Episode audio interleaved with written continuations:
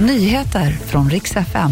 Nyheterna ska handla om nya flyglarm och explosioner runt om i Ukraina och om världens största akvarium som exploderade på ett hotell under natten.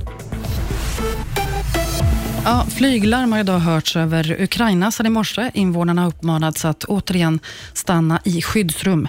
Explosionen har hörts från ryska robotar på flera håll i runt om i landet. Och huvudstaden Kiev bland annat saknar vattenförsörjning sedan i morse.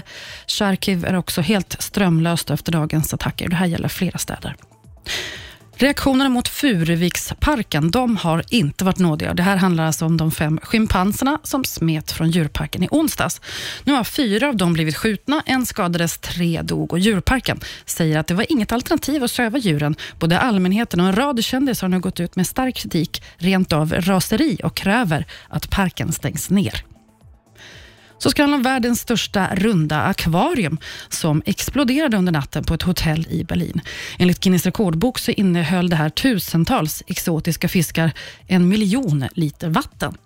Troligen har materialet i akvariet blivit utmattat efter åren och flera personer skadades också av glassplitter. Hur det gick för alla fiskarna är oklart.